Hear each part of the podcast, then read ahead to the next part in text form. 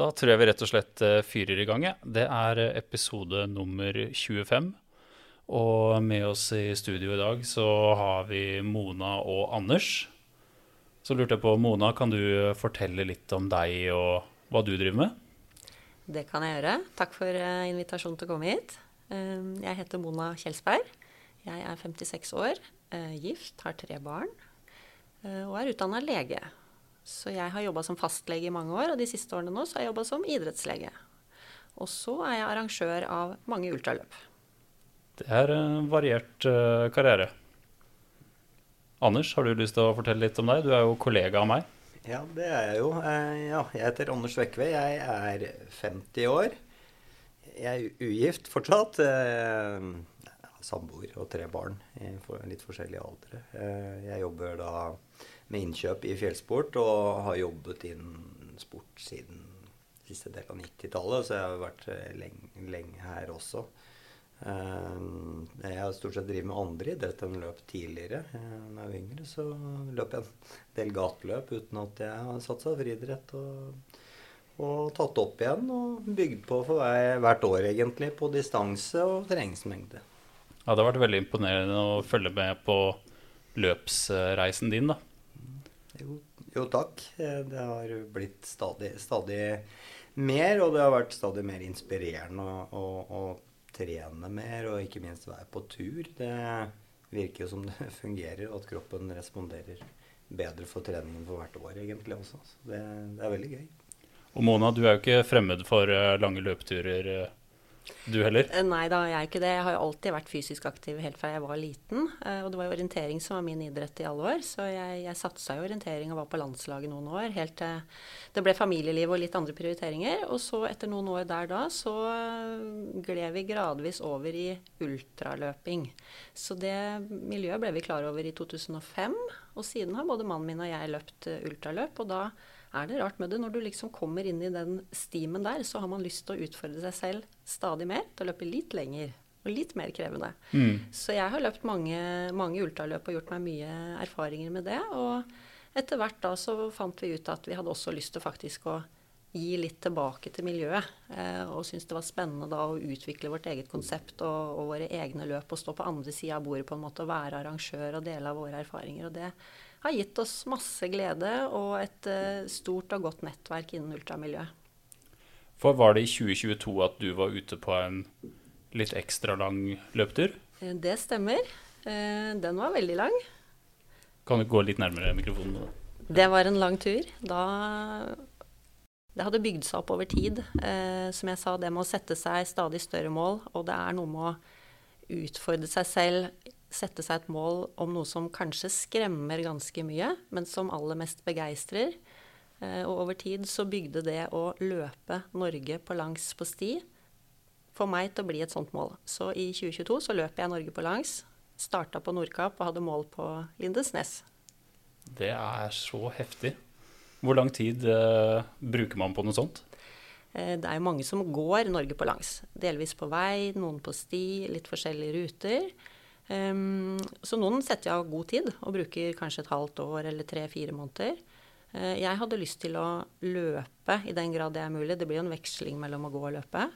Uh, og hadde satt meg et litt hårete mål om å kanskje klare det på mellom 60 og 70 dager. Det tror jeg er fullt mulig, men jeg brukte litt lengre tid. Jeg brukte 83 dager og 14 timer. Hva sier du til det, Anders?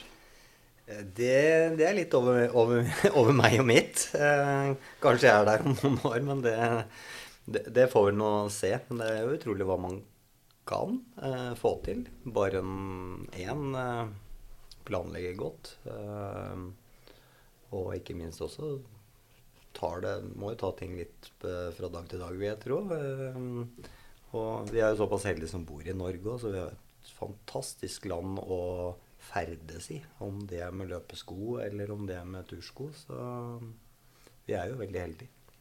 Hva slags erfaringer eh, var det du dro med deg fra den, eh, det eventyret?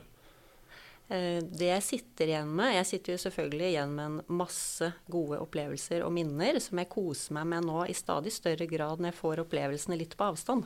Etter hvert så ble det så mange inntrykk at man går på en måte litt i metning. Man koser seg på tur, men man klarer ikke helt å fordøye inntrykkene. Så det, det har jeg kost meg med nå gjennom vinteren.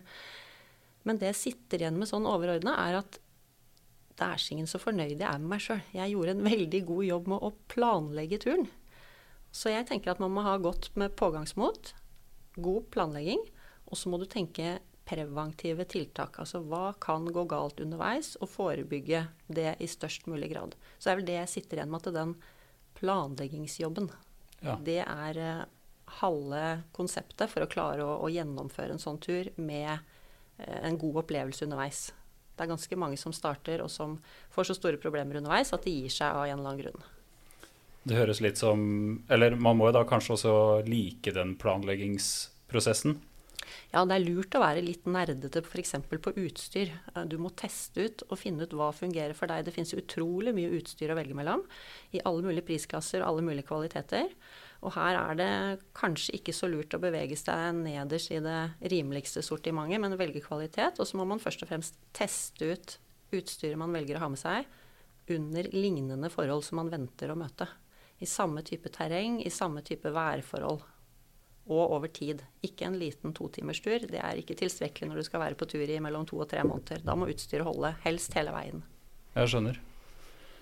Nei, det er utrolig kult. Jeg blir veldig imponert av å høre om, uh, høre om et sånt eventyr, og at det gikk så bra, ikke minst. Jo takk, det, det gikk bra. Jeg ja. vil si det. Og vi hadde et seminar i går om eh, Oslo-Bergen Trail, som vi sikkert skal snakke litt mer om etterpå. Håper det. Eh, hvor jeg da kunne fortelle f.eks. For at jeg fikk én liten vannblemme i løpet av alle de dagene. Den kom siste dagen på sjarmøretappen inn til Lindesnes. Så ja. det, det, handler om planlegging og forebygging for å kunne gjennomføre ting uten å, oppnå, uten å få for store skader og andre typer problemer og vondter underveis. Ja. Mm -hmm. Men da tror jeg vi går over liksom litt på det hovedtemaet i dag, som er et løp som du arrangerer, Mona, som heter Oslo-Bergen Trail. Og jeg er så heldig å ha en kollega i studio her som har uh, meldt seg på. Hvorfor, uh, hvorfor, meldte du deg på, Anders? Er for det, ja, det, det, er jo flere ting. Men det ene er jo å utfordre seg selv ordentlig. Og, og fordi at jeg tror også at jeg jeg og vi i vårt lag, vi er jo to, klarer, eh, klarer, å komme til mål. Det er det det handler om for oss, det, og det tror jeg for mange også. Gjennom mye, mye av det Mona var inne på i forhold til sin tur eh, eh Norge på langs. Eh, gjennom god trening og Nei, god planlegging. Eh, og, og det jeg veit jo fra hvert fall den reisen jeg har hatt med disse løpene, at det gir jo en enorm mestringsfølelse den er litt uh, vanskelig å forklare hvis man ikke er der. Um, for meg i hvert fall, ved at jeg liksom har flytta lista litt for hvert år. Og, og, til å begynne med så var det jo en første løp jeg gjorde for noen år tilbake. Det var Hardangervidda Maraton som var liksom første sånn sett. Selv om det var mye vondt underveis, så ga det en enorm mestringsfølelse og, og troen. Og så er det veldig gøy å planlegge for noe noe som henger høyt. da. Og, og, og, det er utrolig hva vi klarer å få til hvis vi vil. Eh, vil ting nok. Og det er en sånn drivkraft jeg har hatt gjennom mitt liv. da. Og det gir meg mye. Vi starta kanskje litt i feil ende, men uh, har du lyst til å fortelle litt om uh, grunnleggende om løpet, Mona? Ja, det kan jeg gjøre. Oslo-Bergen Trail er, som det ligger i navnet, et løp som går fra Oslo til Bergen. Det går i hovedtrekk på sti og lite grann i terreng. Eh, det er 500 km. Eh, det har ca. 18 000 meter samlet stigning. Og det er en lagkonkurranse hvor man må være to eller tre som løper sammen hele veien fra start til mål. Løypa er ikke merka, så deltakerne må navigere selv. Og så legger vi til rette for matstasjoner underveis. Så det er seks Unnskyld, ikke seks, det er åtte ulike matstasjoner. Hvor løperne kan komme inn, sove, hvile, slappe av, få et varmt måltid før de fortsetter. Eh, og så er det ingen eh, obligatoriske hviletider. Løperne velger selv hvor lenge de vil stoppe på hvert sted. Men vi har sperretider som de må klare for å få lov til å fortsette løpet. Og det er jo egentlig mest av praktiske grunner for at vi som arrangør skal avslutte arrangementet og kunne trekke oss tilbake. For dette, dette tar jo lang tid. Ja, hvor, eh, hvor lang tid uh, bruker man på noe sånt? Ja, Maksimaltiden som er tillatt for å få godkjent løp, er 224 timer. Så det vil si ti dager. Eller ni og et halvt døgn. Ja. ja. Og de beste Vi har arrangert dette løpet én gang før, for to år siden. Så dette går annethvert år. Eh, fordi det er såpass krevende å være arrangør, rett og slett, av et eh, såpass eh, stort og omfattende logistisk apparat rundt et løp. Um, men første gangen, da, for to år siden, så brukte de raskeste 157 timer. Ja. Så dette tar lang tid. Hvordan, hvordan blir ideen om å lage et sånt løp skapt? Det er sånn som vi har arrangert. Vi har tre andre løp vi arrangerer. Og det, det, starter med en idé utgående fra oss selv og personlige erfaringer og opplevelser. Så tanken var rett og slett eh, Einar, som er mannen min, som driver langt og lenge sammen med meg, han pendler til Bergen. Så tanken var, ideen var hvordan kan vi lage en fin trasé fra Oslo til Bergen? Fra hus til hus.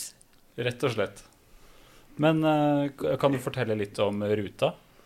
Ja, ruta starter på Soria Moria hotell i Voksenkollen i Oslo. Så går den rett ut gjennom Nordmarka og gjennom Holleia over til Noresund.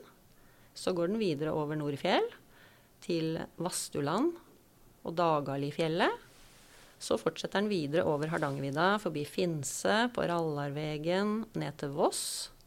Så går den over Vossefjellene til Gullbotn, og så til slutt har du kremen da over vidden i Bergen forbi Fløyen og ned til mål i en park som heter Meiermarken i Sandviken i Bergen. Hva det tenker du? Jo, det høres jo veldig enkelt ut. Ja, det hørtes, det hørtes veldig hyggelig ut i hvert fall. hyggelig er det. Hyggelig er det, Men litt slitsomt. Og det skal det være. Det er klart. Men eh, når det kommer til opptrening av et sånt løp Jeg skjønner at det er et stort spørsmål, men er det en slags eh, felles oppskrift som eh, som mange bruker. Jeg veit ikke helt hvem av dere jeg skal stille spørsmålet til, men uh, feel free. Eh, antageligvis til begge, tenker jeg. Ja. Eh, jeg. jeg. tror nok det, det, viktigste er å tilpasse trening og oppskrift etter sine preferanser. Jeg ser en del av de som skal være med, har løpet ganske mange og lange løp i forkant. Det har jo vært Sandnes, det har vært flere med. Soria Moria kommer nå, Vestfold Historic ser jeg det flere. Eh, for egen del så, så, prøver vi å gjøre vår planlegge til hva vi tror er riktig for oss. da, i forhold til Du må jo trene mye, selvfølgelig. Det er én ting, men, men, skal du lykkes, så tror jeg også du skal være godt uthvilt før løpet. Og derfor så uh, avviker vi noe fra det. Men jeg tror i forhold til opptrening en er å trene med Trene med det utstyret du tror du skal bruke. Du må teste ut akkurat som Mona sier sa på Norge Balanse, var kjempeviktig at utstyret må være godt gjennomtesta, så det ikke blir noen overraskelser. Trene med sekk og vekt i sekken, for det blir det over der. Og at det eh, er godt med kilo. Vi, mm, vårt uh, lag, da, som er, er um, fjellsportlaget, vi løp, et lite, eller, vi løp et løp i Grenland for knappe to uker siden. Og da løp vi med ti kilo i sekken.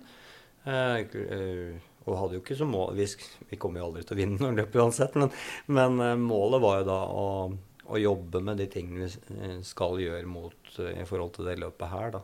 Ha lang lunsjpause, lage mat ute i terrenget.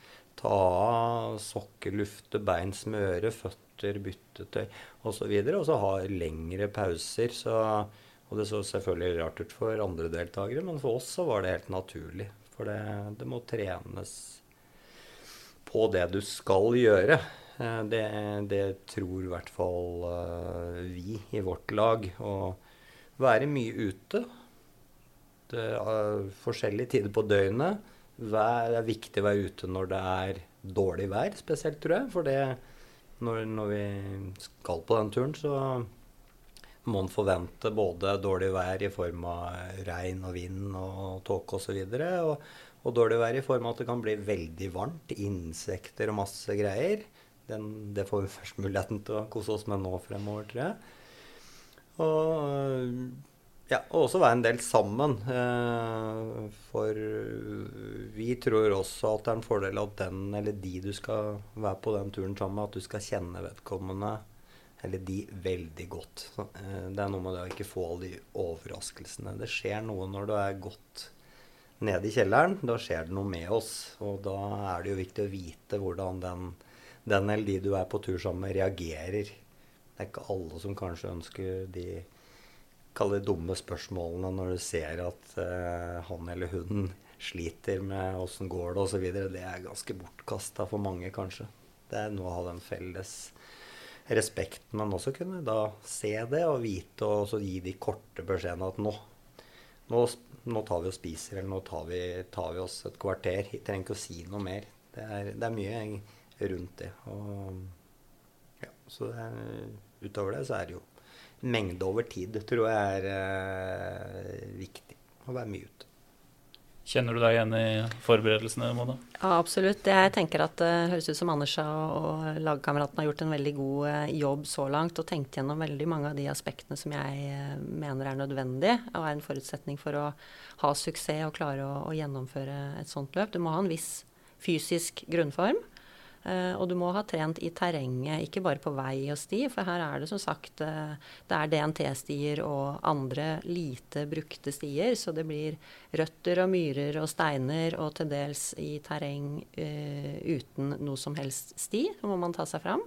Så, så, så den fysiske forutsetningen må være på plass. Og du må ha løpt turer lenger enn 20 km. For det, dette kommer jo til å gå på i timevis i mange, mange dager i strekk.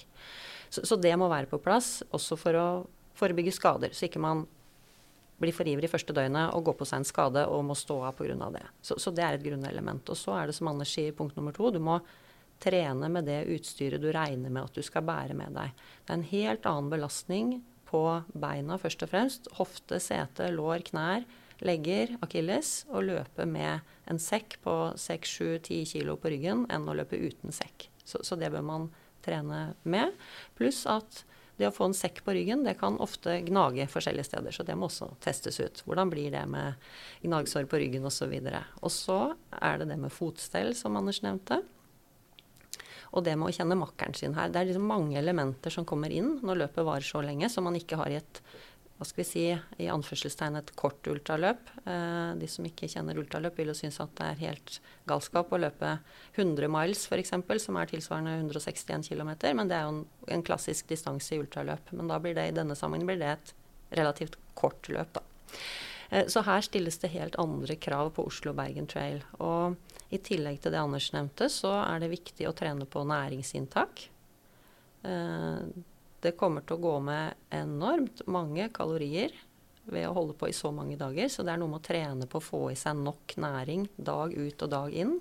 Og kanskje på helt rare tider på døgnet. Enten det er dag eller midt på natta, så må, så må man spise. Det holder ikke bare å drikke sportsdrikk og vann, man må få i seg ordentlig mat. Eh, og så er det disse sperretidene som jeg snakket om. Her er det jo også sånn at noen vil ligge litt på halen og kanskje streve litt med å klare sperretid. Og det vil gjøre at de må kutte ned på søvn. Ja, selvfølgelig. Ja, så mm. det er også noe å trene litt på. Hvordan reagerer jeg når jeg har fått litt for lite søvn mange dager i strekk?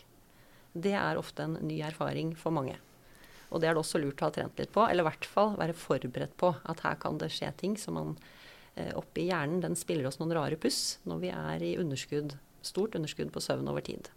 Så det er det et lite tips. At det er lurt å ta hensyn til. Og veldig effektivt.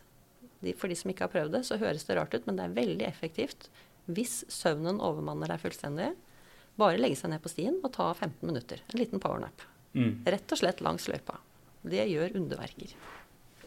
Litt tilbake til det her med kalorier og sånn. Har, har man noe innsikt i hvor hvor stort kaloribehovet er under en sånn påkjenning? Eh, man, gjort, man, kan gjøre noen beregninger, og så vil det selvfølgelig være avhengig av, sant, av alder, av kjønn, av muskelmasse på kroppen, av intensitet du beveger deg med, og hvor tung sekken er. Så her er det veldig mange faktorer som, som virker inn. Eh, men et estimat er at du vil bruke ca. 1 kilokalori per kilo kroppsvekt per kilometer du tilbakelegger. Ja. Så i tillegg til hvileforbrenningen din. Så hvis man tenker at man, hvis man sitter stille et helt døgn uten å gjøre noen ting, så har man kanskje en hvileforbrenning på mellom 2000 og 2500 kilokalorier i døgnet.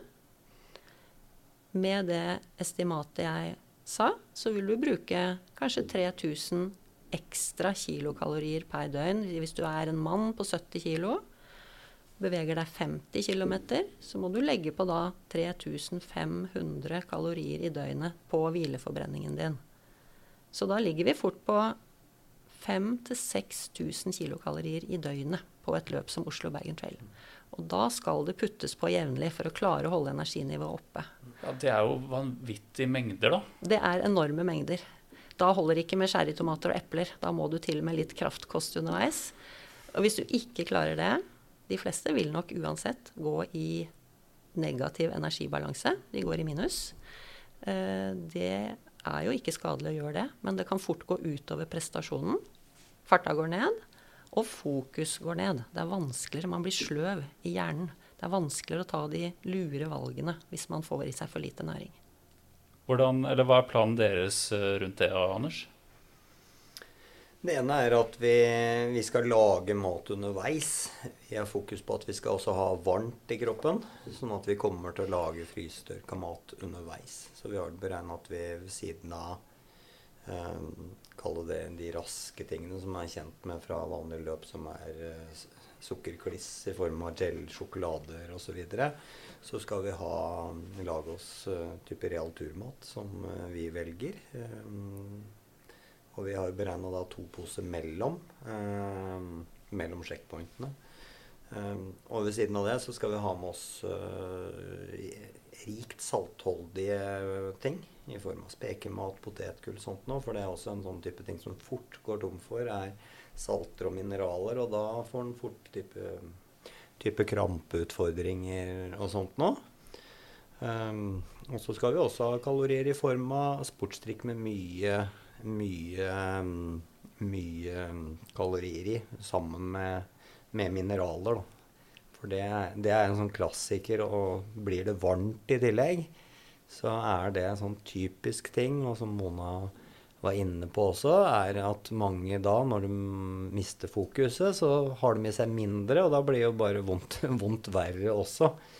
Um, så, og vi kommer til å putte i oss ting vi kjenner. Vi skal ikke vi skal ikke finne på noe nytt. Første, eh, en liten historie. Første gangen jeg gikk i Birken på ski Jeg er ikke noe stor skiløper, men da var jeg i hvert fall anbefalt noe, noe, noe ernæring som jeg da ikke hadde brukt før. Og det, det, var en veldig dårlig løsning, og det tror jeg vil være for veldig mange hvis man prøver ut noe nytt. Men i hvert fall godt sammensatt.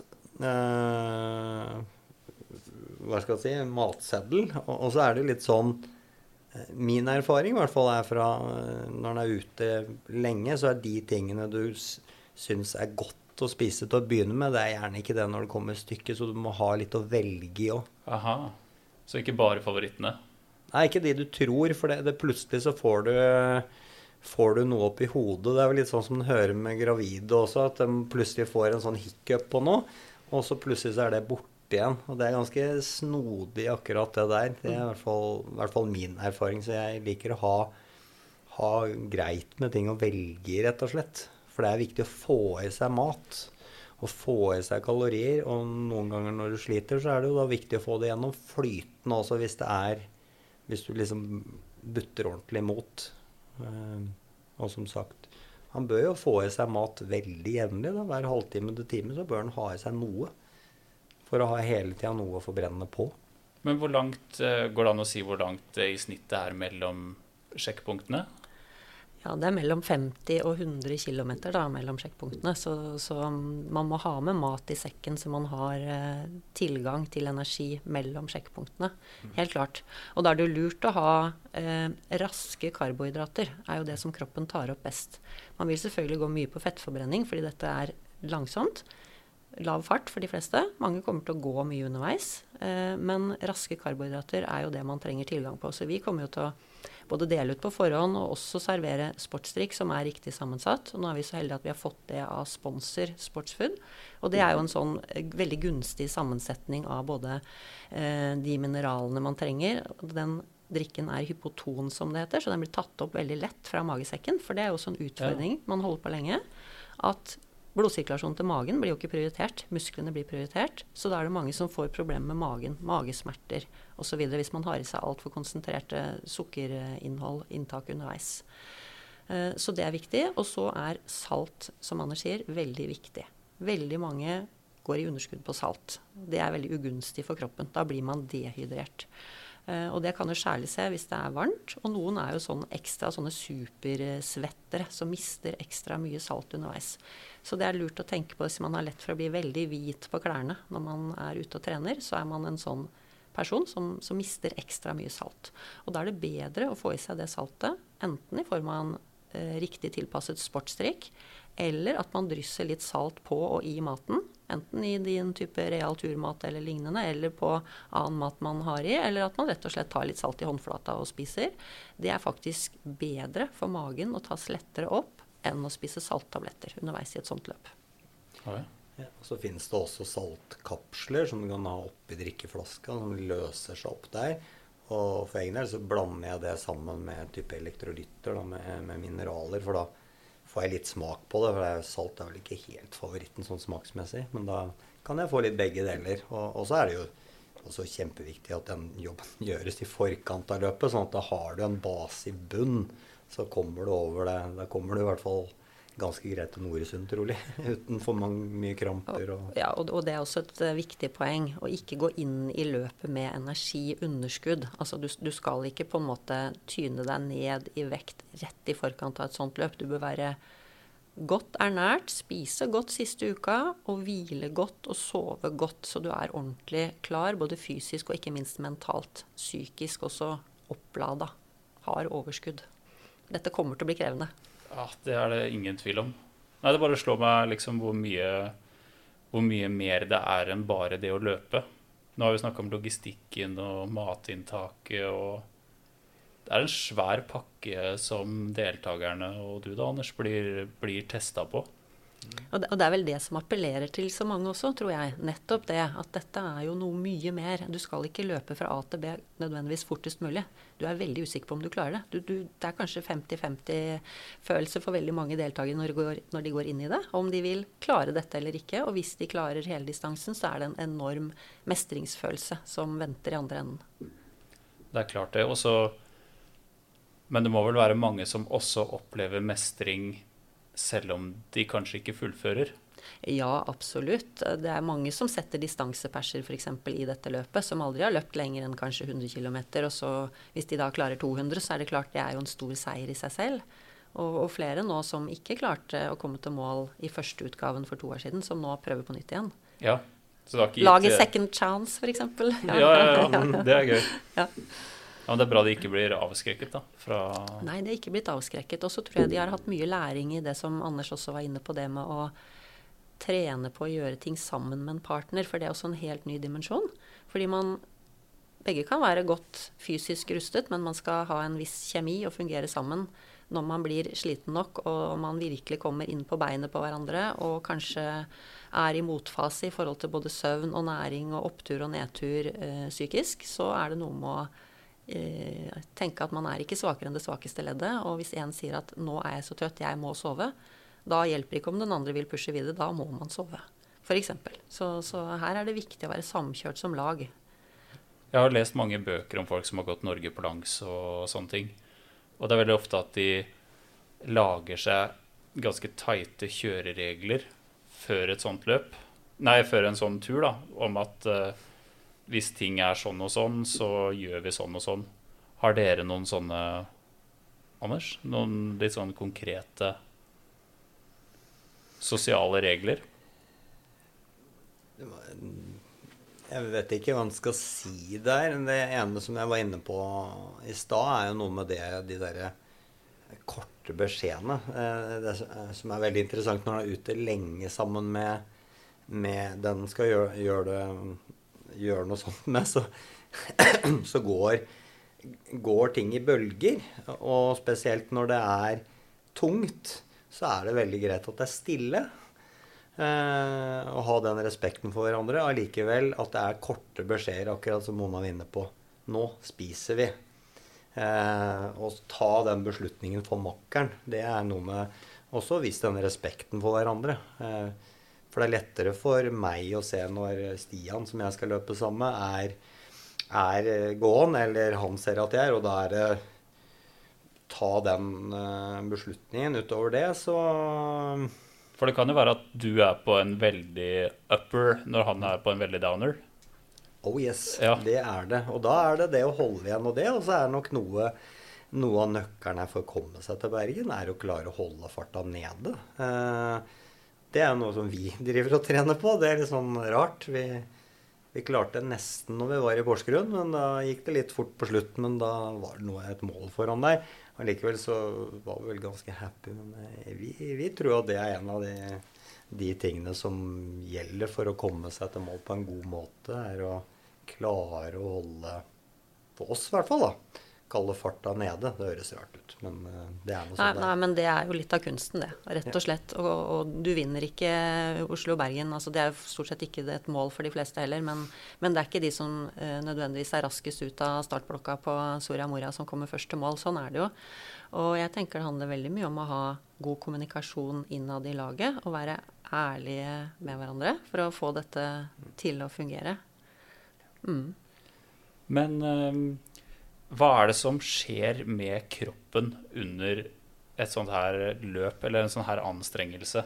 Vi har jo snakka litt om kaloriunderskudd og Men jeg tenker med den bakgrunnen du har som lege og sånn, hva er det som Hva skjer?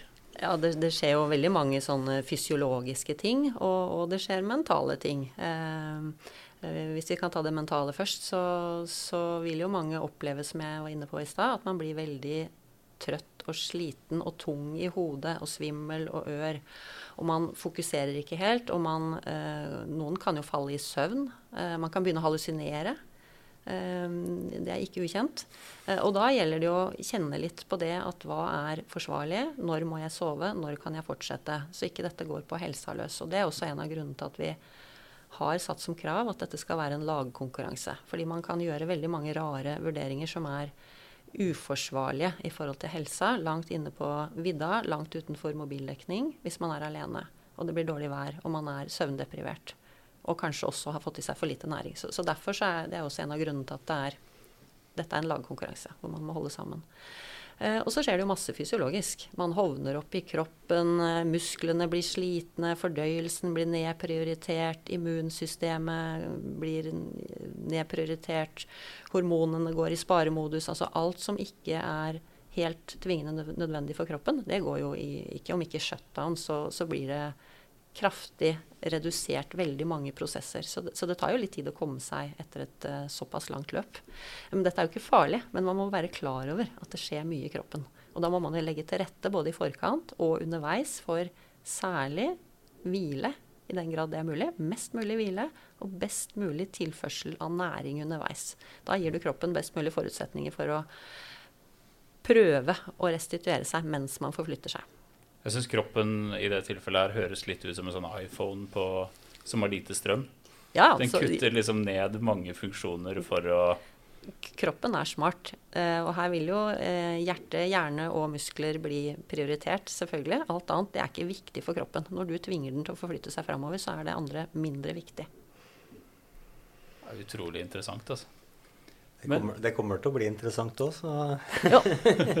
Og, og det som er veldig interessant uh, i år, er jo at vi skal nettopp forske på disse tingene. Hva Ja, skjer i kroppen Ja. under Oslo-Bergen Trail? Så vi har jo inngått et samarbeid med Forsvaret og Norges idrettshøgskole og Oslo universitetssykehus, som har et forskerteam som skal gjøre tester av deltakerne. De som har sagt seg villig, Det er selvfølgelig frivillig å være med, men de som har sagt seg villig til å være med, de skal grundig testes før og ikke minst underveis flere steder. Det er helt unikt. Og rett etter målgang. Hva skjer i kroppen? Så det blir veldig veldig spennende. Vi er veldig glad for å ha det samarbeidet med dem, og at de har ønsket å forske på, på Oslo-Bergen. Og det, det har vært gjort mye forskning på ultraløpere. Men da har det gjerne vært på såkalt korte løp, som vi var innom i stad, som, som uh, kanskje har en lengde opp til 100-150-60 km. Og det er heller unikt også at de nettopp skal ta prøver midt i et løp. Slags, eller Har de noen form for hypotese, eller er det noe konkret de vil finne ut av? Ehm, de har vel holdt kortene litt sånn tett til brystet for å ikke påvirke forskningsresultatene, men de er særlig interessert i å se på om, om det er, og i så fall hvilke forskjeller er det mellom kjønnene i prestasjon. Ja. Og hvilke endringer skjer i kroppen fra før et løp til rett etter løp. Et løp som varer så lenge. Og dette er jo interessant for Forsvaret når de skal velge ut hvem som er egnet som stridsdyktige til de mest krevende oppgavene i Forsvaret. Så er det ganske likt med at dette varer i så mange døgn, og med kanskje litt lite næring og med lite søvn over tid. Så, og nå er det jo generell verneplikt i Forsvaret, så, så, de er jo også veldig interessert i å se på er det noen kjønnsforskjeller, og hva består de i. Og er det noe som kan predikere, eller da forutsi, hvem som har høyest uh, sannsynlighet for å gjennomføre et så krevende løp.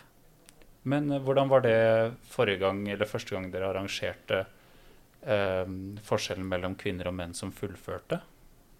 Um, det er jo I ultraløp generelt så er jo deltakerandelen blant menn veldig mye høyere enn blant kvinner. Ja. ja. Så det vanlige er at det er rundt 80% menn og 20% kvinner. Nå er nok den kvinneandelen økende, men fortsatt så er jo liksom utvalget veldig skjevt i, i, i starten. Så sist så var det ett damelag som fullførte, og syv herrelag. Men, men av de her lagene så men var det her, ja, de, flere miks? Ja, det var flere miks. Vi har på en måte to klasser, da, en dameklasse og en miksklasse. Så de som er bare herrer, eller dame og herre på lag, kalles herreklassen. Ja, skjønner. Ja. ja. Så, så, det, så, vi hadde ikke så mange rene damelag å sammenligne med. Nei, skjønner, skjønner. Nei. Så, men nå blir det jo på en måte forsket på kjønn, uavhengig av hvilket lag de er på. Veldig spennende, da. Veldig. Jeg, jeg har kryssa meg, jeg, så jeg, jeg, gleder meg både til å reise inn 25. for å uke 25 for å se på Eller for å bli testa på ulike måter. Ja. Så får han, får han jo eh, får han jo en veldig god helsesjekk. Får en veldig god helsesjekk, fordi det skal jo tas ultralyd av hjertet, man skal måle lungefunksjon, eh, O2-opptak, og det skal tas blodprøver, og det skal ses på kroppssammensetning. Så det er en veldig omfattende undersøkelse. Ja, for du er en av de som skal ja, du er en av de som er med? Det er ingen grunn til å ikke melde seg på, i hvert fall. Nei, det er jo godt poeng. og, og, det tar ikke mye tid på disse sjekkpunktene underveis heller. Så å, da kan du spise mat eller gjøre noe annet i de, det kvarteret det er snakk om. Så ja, det, det, var, ikke, det var, et ganske enkelt valg for egen del å, å, å melde meg på det. Så Men det, uh, sikkerhetsaspektet som deltaker under et sånt løp, uh, Mona? Hva, hva, slags grep er det som blir gjort der? Ja, Det første grepet som jeg allerede har nevnt, er jo at dette er en lagkonkurranse. Hvor de som er på lag, to eller tre personer, må holde sammen til enhver tid gjennom hele løpet. Det er punkt nummer én, så man kan hjelpe hverandre hvis det skulle oppstå situasjoner. Punkt nummer to er at alle lagene utstyres med to satellitttrackere. Da skal vi bruke Garmin Inreach Mini 2 ja. på hvert lag. Eh, og de vil sende signal om hvor løperne befinner seg til enhver tid hvert tiende minutt døgnet rundt. Eh, så da kan eh, både vi som arrangører, men også alle andre som ønsker av familie og venner, sitte og følge med hvor, hvor løperne til enhver tid befinner seg hele de ti døgnene dette pågår. Så, så det er jo et sikkerhetsaspekt. Og den trackeren GPS-enheten der, har også en nødknapp. Så hvis de er et sted hvor det ikke er mobildekning, og det er det jo ganske store områder, overraskende store områder i fjellet i Norge, og for så vidt også noen steder i, i ganske nærtliggende skogsområder, ikke dekning, så har den en nødknapp som vil eh, varsle hovedredningssentralen hvis man virkelig er i nød. Og så må jo selvfølgelig løperne ha med seg mobiltelefonen. Eh, og får instruks om eh, å ringe 113 hvis det virkelig skulle være nød. Og så har vi jo førstehjelpspersonell på alle sjekkpunktene våre underveis. Så man blir godt ivaretatt, da? Ja, vi prøver så godt vi kan, men eh, som sagt, det er jo da kanskje 50 km eller enda lenger mellom noen av sjekkpunktene.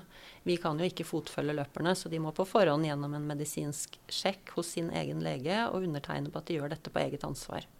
Er det noen form for obligatorisk eh, sikkerhetsutstyr utenom GPS-en eh, man må ha med? Vi har en liste med obligatorisk utstyr, eh, og den er, noen syns den er litt omfattende, men den, vi fraviker ikke en millimeter på den lista. Der er det ganske mye klær. Det er eh, vanntett regnjakke, vanntett regnbukse med minst 10 000 meter 10 000 uh, kvikksøyle, altså vannsøyle. Mm. Eh, det er ullundertøy over og under. Det er bøff, det er ullue, det er vanntette vanter eller votter eller hansker. Um, ja, gode sko. Uh, og så må du ha med deg kompass i tillegg. Oh, ja. Ja. Kart. Og kart må du ha med deg. Ja, papirkart. Ja, eller eventuelt mobilkart. Ja. Og så må du ha nødteppe. Et sånt redningsteppe, en sånn aluminiumsfolie. Mm. Og, og vi har utstyrskontroll, så vi sjekker at de faktisk har med disse tingene i sekken. Og så I tillegg til dette så må man ha med seg en nødbivouak, en sånn vindsekk, eller eventuelt et telt. Og det må være et telt eller en nødbivouak som rommer hele laget. Også Ja. av sikkerhetsmessige grunner, så man ikke skal legge seg i hver sin vindsekk, og man ikke vet at uh, lagkameraten har det vanskelig. Og Hvordan løser dere det, Anders, med den eh, nødbivaken? Eller vindsekken? Det blir ikke telt, i hvert fall. Det, altså, vekt er jo også viktig underveis her. Det må være Det må, på, det må være topp produkter, og så må man bruke litt tid på å finne noe som, i forhold til vekt, i og med at vi skal frakte det. Uh, og så vi, vi leter etter den perfekte nødbivaken. Det er vel det eneste vi mangler, tror jeg, utstyr. Ellers er det på plass. Og, og et annet uh, viktig plagg å ha med på en sånn tur, er jo, som også er obligatorisk, er jo eh, isolert jakke i form av enten en dunjakke eller noe I hvert fall noe som gir varme. For det når du blir eh, ja, når du er nede på energi, så blir du veldig fort kald i form av ja. våt òg. Så, så det er eh, en ting som er veldig viktig, og som vi veit vi vil ha glede av. Ja. Så Og når det gjelder vekt på sekken, så er det selvfølgelig alle er gramjegere her. Man vil jo gjerne spare på vekta, det er forståelig. Men et lite tips da til de som eventuelt lurer på om de skal ta den lette regnjakka eller den tunge regnjakka, som er litt mer solid og har litt flere lag med, med vanntett stoff, så ville ikke jeg Det var ikke der jeg ville spart vekt. Det er essensielt å holde seg tørr hele veien. Hvis du holder deg tørr, så holder du mye bedre på varmen. Så solid regntøy er, uh, ville jeg satt en tykk strek under hvis jeg skulle pakke den sekken selv. selv. ja. Og samme som også hodelykt. Det skal vi ha med to.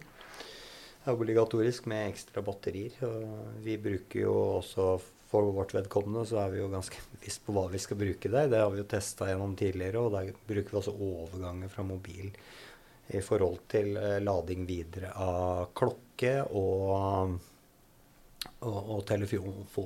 Hva mente du nå at du bruker hodelyktbatteriet Ja, som powerbank? Ja, det gjør vi, for fin eh, det finnes en sånn USB-overgang, og det er helt genialt. I fjor, når vi løp et eh, litt lengre løp, ikke som det her, så, så gikk jo jeg gikk tom for strøm, og da hadde Stian, som jeg også da løp med, hadde 3% igjen. Og da bare kunne koble opp og kunne fortsatt ha framdrift da, ved det. Det er helt gull, og det er også en sikkerhet, da. Og at det er ting som funker godt sammen, rett og slett. Og, Ja, og det er heller ikke Jeg tror ikke det er på, i hvert fall på hovedhodelykta du skal spare og ha den eh, simpleste modellen fra Biltema eller lignende. Unnskyld at jeg sier det den måten. Det må være ting som du kan stole på, som tåler juling. For du må forvente at underveis så kommer du til å tryne mer enn én en gang. Og da er det jo viktig at den har ting som også er solid, som Mona var inne på, rundt, rundt skalljakke også. Eh, Så det er eh, noe annet. Andre ting som jeg tror også de aller fleste har med, eller i hvert fall bør, er jo staver. Det tror jeg er superviktig i forhold til eh, avlastning, men også sikkerhet. Jeg har aldri skjønt det helt, Mona. Beklager, nå holdt jeg på å avbryte deg. Men eh, den stavbruken, hvordan er den, uh, kall det besparende? Er det knær? Ja, så nå er det jo det er valgfritt å ha med staver, men eh, det er nok eh, Vi har satt det som anbefalt, ja. Det avlaster særlig forside lår og knær. Når du har holdt på lenge, så, så, blir man gjerne veldig sliten på forsiden, og da har man dårligere kontroll over musklene. Så ved å virkelig henge på stavene, bruke de som om du tar dobbelttak på ski. Ikke gå og pirke i bakken, da hjelper det lite. Du må, og der har jo nordmenn en fordel, at vi er vant til å gå på ski, mange av oss, så vi vet hvordan vi skal bruke staver. Eh, I motsetning til hva jeg observerer noen ganger når jeg er på løp i utlandet, hvor alle bruker staver, men ingen egentlig har noen særlig effekt av de. De går oh, ja. og pirker litt i gruset med de. Du, du, må virkelig tenke at du liksom skal ta det som et dobbelttak med fraspark og bruke stavene på den måten. Så avlaster det musklene veldig både oppover, men ikke minst nedover. Musklene utvikler mer kraft når vi går nedover, og med en tung sekk på ryggen så du, må du bremse mer nedoverbakke. Og da også ved å lene deg på stavene, så kan du avlaste musklene mye. Så da unngår du kanskje både at krampa tar deg, og at du blir helt stinn av hva skal vi si, såkalt melkesyre eh, i, i låra da, når du holder på så lenge. Så det som føles som en liten bakke i dag når du er uthvilt, kan jo føles som en fjelltopp etter å ha holdt på i fem dager. Jeg skjønner. Ja. Så en siste liten ting som vi ikke har vært innom, er jo selvfølgelig det er obligatorisk å ha med seg litt førstehjelpsutstyr ja. i sekken, så man kan håndtere noen, noen, småskader, ha en støttebandasje, ha noe gnagsårplaster, vanlig plaster. Litt, litt småtteri er det også obligatorisk å ha med. Ja. Mm. Salve, sportsteip. Ja. Så det er definerte ting, og det er veldig bra at det er at det er definert og tydelig. Jeg tror det er en klar fordel for alle og enhver. Så det er ikke noe tvil. Men Anders, hvordan sokker bruker du på, på et sånt eventyr? Sokker, ja. Det, det, er jo noe jeg er veldig opp, opptatt av, og som eh, jeg, jeg tror er um, også viktig i forhold til det vi snakka om med blemmer og fot. Uh, føtter uh, har jo egentlig brukt mye forskjellig, men for, for vårt vedkommende da, så blir det en miks mellom tåsokker Eh, det ser jo helt eh, rart ut, men det fungerer jo med tanke på gnagsår for vårt vedkommende, i hvert fall mellom tær og sånt nå, og mer tradisjonelle. Og så kommer vi til å bruke løse legg, legger, eller sleeves som det heter, som er en sånn kompresjonsbit. Eh, grunnen til at vi bruker løse nå, er fordi at jeg løper jo mye med lange kompresjonssokker ellers er at jeg tror, er litt usikker på om jeg klarer å få av de sokkene når jeg kommer inn til noen av sjekkpunktene i forhold til at jeg er sliten. Da er det lettere å rive av seg det. Og så, og så er jo tanken at vi skal bruke halv Vi kommer ikke til å bruke lave sokker, men sånn med stand, vanlig høyde. Og så skal vi bytte Vi har vel planlagt at vi skal bruke 21 par med sok sokker på turen. Oi, ja. Eh, og det er eh, Vi bytter på checkpoint, og så skal vi i hvert fall ha to par i sekken. For det er, Og der skal vi ha nye. Vi skal ikke ha noen som har vært utsvetta og kanskje tørka. Vi skal ha nye sokker. Det er eh, noe av det som kan felle oss, at vi ikke har eh, orden på beina. Det er kanskje noe av det en av de tingene som vi er mest redd for i forhold til det. Og da snakker vi syntetiske sokker, eller? Ja, litt, eh, litt begge deler. Også ja. ull. Så det Det finnes jo også mye bland, blandingsprodukter. Men, uh, og så må ja. det vel være digg med sånne sleeves med tanke på lyng og Altså all Det blir jo mye påkjenning over uh, lang tid her, at du ikke kommer med sånn uh, opprispa legger. Mm. Så ja, vi har jo mye erfaring med det. Vi bruker jo ikke bare det for at det ser kult ut. Eh, det er eh, sikkerhet, eh, med tanke på akkurat det du sier. For du må forvente at du tryner, og detter du på en pinn eller en, en stein, så vil du beskytte noe. Det andre er spesielt i lavereliggende områder. Og vi bruker svarte sleeves, eh, er pga. flått. Eh, vi ser at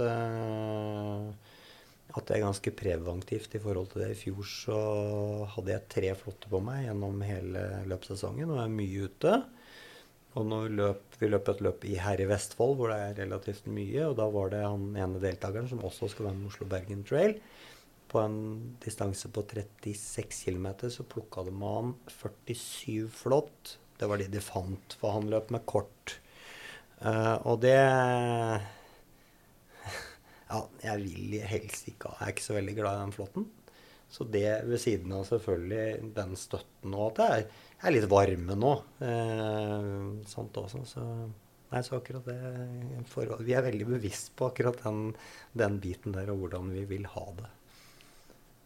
Ja, Det er kult. Det er mange detaljer, eh, Mona. Ja, da, og jeg kan jo bare tilføye, jeg er også veldig tilhenger av tåsokker, faktisk. Jeg syns jo det var noe jåleri og noe rare greier tidligere, men jeg brukte det hele veien fra Nordkapp til Lindesnes, og jeg hadde som sagt én liten blemme den aller siste dagen.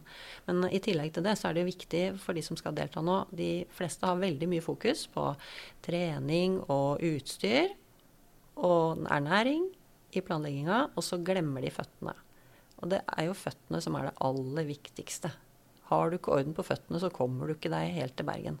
Så jeg pleier å anbefale alle nå å begynne å stelle føttene sine nå. Jobbe med å få bort hard hud, smøre med en god fotkrem hver kveld, og gjøre som Anders sier nå underveis i løpet. Lufte føttene, bytte sokker, vaske føttene, tørke føttene godt. Tørke fotsålene så all fuktighet forsvinner, og gjerne smøre med en sånn god fotkrem underveis. Eller eventuelt rett og slett fett, altså vaselin. Det er litt eh, smak og behag hva man velger, men stell pent med føttene. Det hjelper ikke om alt det andre er på plass hvis ikke føttene vil være med deg videre. Er, det er jo det vi har kanskje blitt tipsa mest om òg, så vi er, vi er, i gang med det. Så jeg fikk noen spørsmål hjemme når plutselig var noe pakke på vei fra Beauty Heaven eller noe i den retningen. Jeg drev med da. Men det, da var det å få på plass noen greier som ble, hadde blitt anbefalt av, av noen kremer osv. Så, og det er ikke noe tvil om at det, det, den jobben som gjøres i forkant, og jeg som uh, har sånn klassiske manneføtter som har vært mye inn i håndballsko og forskjellige typer alpinstøvler opp igjennom. De er jo ikke så vakre i utgangspunktet. Så det, det er, kommer til å være kjempeviktig. Hvis ikke så kommer ikke jeg til Bergen, i hvert fall. Samme som også å ha. I forhold til fotstell så har jeg nå må, må anskaffe meg enda større sko for å få enda mer plass i foran i, til tærne enn mm. det jeg normalt vil bruke. Snakker vi én størrelse opp, eller to? Uh, jeg har jo fra den gangen uh, Tidligere så har jeg allerede gått opp én størrelse. Eh, så når jeg løper nå, så bruker jeg én hel størrelse større enn det jeg gjorde før. Og så går jeg opp enda en halv størrelse. Så nå har jeg noen nye sko på tur kommer til meg i dag. Som jeg forhåpentligvis skal prøve på tur i den turen jeg skal i kveld og natt. Ja. Det er jo ja, ganske vanlig at føttene flyter litt utover med alderen. Det gjør det hos oss alle sammen. Men under et ultraløp de, som varer så lenge som vi snakker om nå, så vil føttene hovne opp underveis. Så veldig mange anbefales jo enten i forkant å gå opp en halv skostørrelse, eller eventuelt bytte sko underveis, som er en halv størrelse større enn de normalt sett bruker. Fordi føttene blir større. De hovner opp. Pga. tyngdekraften, fordi du er i oppreist stilling i så lang tid, og fordi det blir forskyvninger bl.a. i saltbalansen da, i, i kroppen. Oi, det er kult. Hvor mange sko tar du med deg, Anders? Eh, planen er tre par. Eh, vi løper jo med et par mellom eh, sjekkpointene. Og så skal vi Det blir trolig to modeller. Eh, så to par av det ene og et par eh, med noen som har ekstra god plass til forfoten. Per nå. det er noe vi diskuterer mye. Det er en, nok, et nerde, nok en nerdegreie. Eh, allikevel, dette er kjempeviktig. At det er på stell. Ja, og så bør det jo være gode, stødige, stabile sko. Det er jo mye ordentlig terreng og litt fjell og litt lyng og litt myr. Så her bør det jo være en ordentlig god terrengsko. Å gå for noe annet, det, det er ikke anbefalt fra arrangørens side, i hvert fall.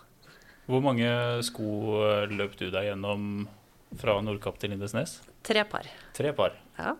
Så, men jeg hadde jo solide sko. De holdt fint i 1000 km om gangen. Ja. Wow. Men da var de på tide å bytte de ut. Men da var det egentlig fortsatt ikke sålen som var utslitt. Det var stoffet. Overstoffet. Ja. Mm. Rett og slett at det var eh, blitt for tynt? Eller ja, det ble, ble, det ble gnagd hull i det, rett og slett. Ja. Mm. Mm.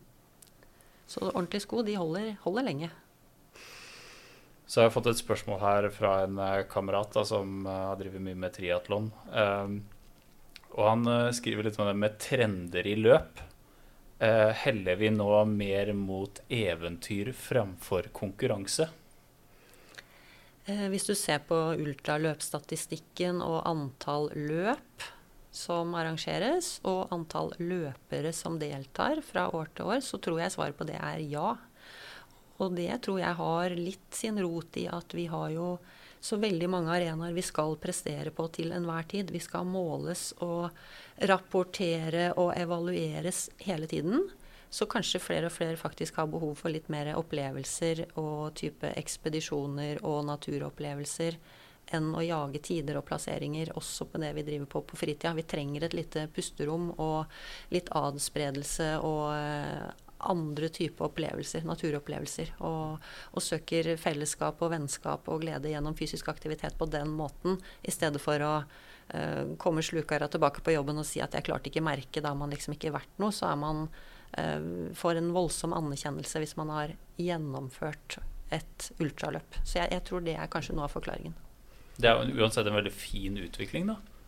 At det går mer mot, uh, kall det naturopplevelsen og ja, og, det, og, eventyret. Det, ja, og det tenker jeg. Og det er jo som jeg sa uh, tidligere her, at vi når vi som arrangører setter sperretider på løpene, så ønsker vi å gjøre de så romslige som mulig. For vi vil jo gjerne at flest mulig skal klare å gjennomføre det løpet. Samtidig må jo løpet ha en start og en slutt. Så, så, men, men, for oss er det jo ikke noe mål at de som løper, skal løpe på noe gitt tid. Eh, det er mer på en måte hvor mye tid kan vi som arrangør sette av. Fordi vi vil jo gjerne vi vil ha en høyest mulig gjennomføringsprosent på de som tør nettopp å utfordre seg selv. For vi vet hva det gjør med deg når du kommer hjem og har fått den medaljen rundt halsen og kan sitte med beina høyt noen dager og kose deg med den opplevelsen i mange, mange dager. Så tror jeg det er helt annen, et helt annet minne å ta med seg videre enn at du klarte ikke målet ditt om å sette den og den tida i et maratonløp. Du har trent i to år, og så bomma du med ett minutt, og så er du misfornøyd. Ja, ikke sant. Ja. Så, så, ja. Og, og, en annen, annen, ting i forhold til akkurat det også er at i hvert fall min erfaring da, Jeg har jo drevet med idrett i mange år, jeg også som Mona. Men er at i forhold til den Jeg skal ikke si nødvendigvis ultra, men terrengbiten, da, så er det mye mindre spisse albuer. Vi heier på hverandre. Ja. Eh, på gateløp eh, på slutten av 90-tallet, når jeg løp i splitshorts og, og singlet, så var det mye spissere albuer, akkurat som Mona sa. Da gjaldt det her hjelper vi hverandre. Om noen får et gnagsår eller, eller er veldig sultne for det eller annet, så har du noe, så hjelper du, og vi heier på hverandre. Og, og en annen ting som jeg kan anbefale, er i forhold til Det kommer jo så mange som by, har begynt å trene og så får masse mestring. Kanskje man har løpt sin første tre kilometer eller fem kilometer så fins det masse fine terrengløp. Distanser, bl.a. Eh, for å ta et godt eksempel, da, så uh, må man arrangere et veldig fint løp på Blefjell. Det var mitt første ordentlige ultraløp også. Men, og der er det flere distanser. I fjor så var vi mange fra Fjellsport som dro opp dit. Og godt over halvparten av de 23 som stilte til start og kom til mål, alle sammen, hadde aldri hatt startnummer på seg. Og jeg veit at alle de hadde en god opplevelse. For det, det handla ikke da om å komme først til mål. Det handla om å komme til mål og, og, ta det som For mange ta det som en tur. Løpe der det var fint. Og så går man, og så får man en god opplevelse av turen istedenfor eh, at man er helt i kjelleren på et sånn split eh. Og akkurat som man sier at ja, missa det med et minutt, eller at man konkurrerer med en eller annen. Det er ikke det det dreier seg om. Det handler om å få en god opplevelse, og så få mestring gjennom det, da. Og er det ikke det det dreier seg om, egentlig? Burde gjøre, i hvert fall. Absolutt. Jeg får veldig sånn uh, Jeg hører liksom virker som at det er mange likhetstrekk mellom f.eks. Oslo-Bergen Trail og mye sånn langdistanse hundekjøring. Ja, jeg har ikke noe forhold til hundekjøring, men, men, jeg tror det er vel det man søker, uansett hva man eh, tiltrekkes av av type lange ekspedisjoner. Det er noe med de der lange linjene, den der sinnsroen man faktisk får. Og det eh, kameraderiet mellom deltakerne. Og det kameraderiet, og det, det, inkluderende miljøet og den der gode atmosfæren som, som, som man legger bort all hverdagens mas og jag og kjas, og, og kan liksom gå tilbake til helt basic. ikke sant? Det er mat, det er hvile, det er fremdrift. Og det er litt sånn terapi for hjernen. Vi trenger de der lange bølgene. Litt mer sakte tid. Og det får du rett og slett. Enten du da velger å ta en ekspedisjon over Grønland, eller uh, ta Norge på langs, eller løpe til Bergen, eller som du sier, drive med hundekjøring, lange hundekjøringsløp, eller uh, lange, lange sykkelritt. Altså, det er det samme. Det er det vi søker. Litt, litt, litt sakte tid. Og da har vi liksom en unnskyldning. Da har vi, da har vi en uke eller eh, ti dager. Så vi skal ingenting annet. Vi skal bare bruke føttene våre for å komme oss fra A til B. Vi skal ikke noe annet. Så herlig enkelt, egentlig, når du sier det på den måten. For det er sånn som I langdistanse hundekjøring så har de noe de kaller den røde, røde lanterne. Har dere hørt om det? Nei. Ja, det er en sånn rød lykt som blir tent når løpet starter. Og sistemann som kommer i mål, han får lov å slukke den. da. Og det er, ikke, det er ikke sett på da som noe negativt å komme sist i mål. Snarere tvert imot, for da har du kanskje hatt mer utfordringer, og så har du jo vært mye lengre ute enn enn førstemann som kom i mål. Så da er det vanlig også at mange av hundekjørerne kommer og møter sistemann i mål. Mm. Vi, vi, hadde faktisk litt av det samme da vi arrangerte Oslo-Bergen for to år siden. Så var det buekorpset sto espalier, og det var eh, full jubel når eh, de siste løperne kom i mål. Så vi Fantastisk. også vet ja. å hedre de som, de som, kommer til mål, uansett når de kommer til mål. Mm. Og det samme på Blefjell òg. Da kommer alle ut og fram som er der, når sistemann kommer i mål på den lange løypa, 57 km. Så, så, vi vet å anerkjenne alle og deres prestasjon uansett hvor lang tid de bruker. Det er viktig. Jeg tror eh, vi runder av der, med mindre dere tenker at det er noe veldig vesentlig vi ikke har vært borti, vært borti ennå. Nei, jeg syns vi har vært gjennom mye forskjellig. Ja, det syns jeg òg. Det har vært bra, ikke minst veldig hyggelig. Ja, så bra. Så bra. Det er jo første episoden du er med i, Anders. Mm. Nei, men da tror jeg jeg takker dere begge for en super episode. Og, og jeg har i hvert fall lært masse om uh, ekstremt lange løp og uh, ikke minst Oslo-Bergen Trail. Da. Så tusen hjertelig takk for at dere kom. Så skal vi prøve å få i oss noen vafler uh, nede i kantina nå. Det høres godt ut. Takk for praten. Perfekt. Takk for praten. Herlig.